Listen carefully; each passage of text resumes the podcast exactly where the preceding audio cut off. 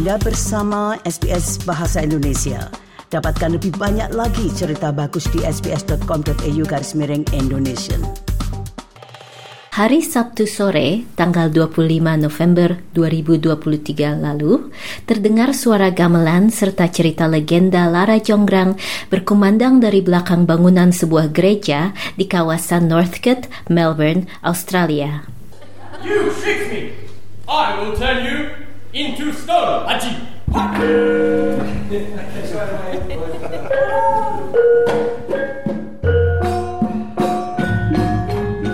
Di hari yang diwarnai hujan gerimis itu, delapan organisasi musik tradisional Indonesia di negara bagian Victoria bergantian tampil membawakan musik khas dari berbagai daerah di Indonesia, seperti dari Jawa Barat, Bali, dan Jawa Tengah dalam rangka acara bernama Gathering of the Gamelans.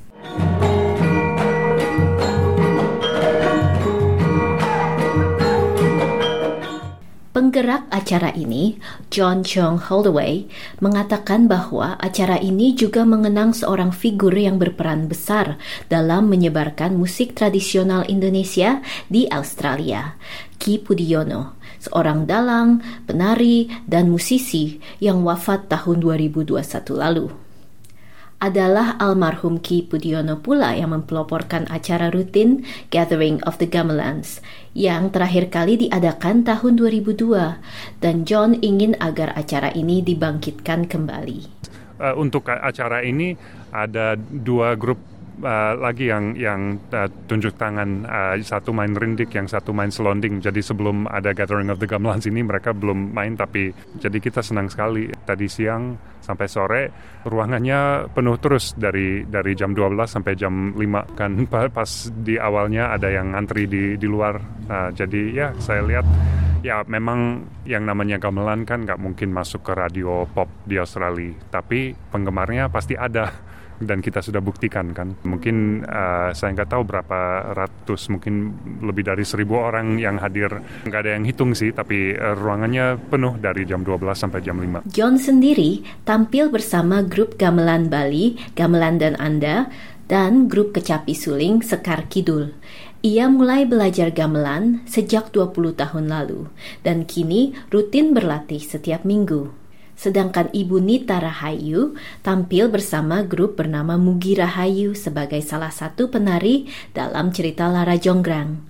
Jumlah anggota Mugi Rahayu sekitar 20 orang dan kebanyakan warga negara Australia. Usianya itu dari anak umur 4 tahun sampai umur hampir 80 tahun anggotanya. Grup Mugi Rahayu aktif di Bendigo, yaitu kota yang bersebelahan dengan Melbourne. Tahun ini ada 17 pentas. Banyak sekali ya ya, tapi kebanyakan di Bendigo, kadang-kadang di Melbourne juga. Jane, salah satu penonton, mengajak seluruh keluarganya karena anaknya ikut tampil bersama grup Melbourne Community Gamelan. I thought it was a really lovely event. I knew Pak Budiono when I was Menurut saya, acara ini sangat menyentuh. Saya kenal Pak Budiono sejak saya kecil. Maka, penting sekali kami menghadiri ini, karena ini penghargaan yang bermakna terhadap jerih payah Pak Budiono untuk mengembangkan gamelan, terutama di Melbourne. Di penghujung acara, penonton bahkan diajak menyanyikan bersama lantunan yang biasa disuarakan dalam tari kecak. Di tengah penurunan minat dan dukungan terhadap pembelajaran bahasa Indonesia di sekolah-sekolah di Australia, John, sang penggerak acara, berharap acara musik seperti ini bisa meningkatkan minat terhadap Indonesia terutama di kalangan anak muda di Australia. Ya, bagi saya event-event seperti ini menanam bibit uh, ketertarikan di uh, para hadirin. Jadi ya mungkin yang hadir mungkin 50% atau mungkin 30% orang Indonesia atau orang yang sudah kenal Indonesia. Tapi yang lain banyak teman-teman saya yang tidak ada hubungan hmm. dengan Indonesia dan beberapa hadirin yang saya uh, ajak diskusi mereka ya cuma dengar aja ada yang yang lewat aja dia dengar ada musik dia masuk tahu-tahu ada acara gratis ini. Jadi saya mengharapkan dengan event-event seperti ini orang mulai tahu eh ada beberapa hal yang sangat menarik ini dari Indonesia.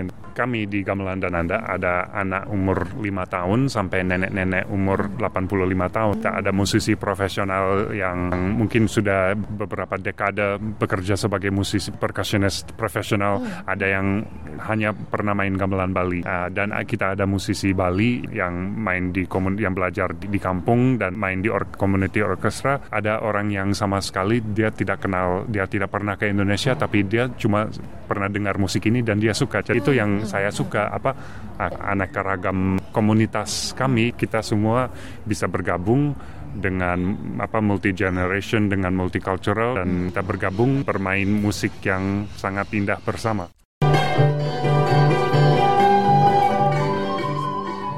Saya Dina Indra Safitri melaporkan untuk SBS Audio Program Bahasa Indonesia.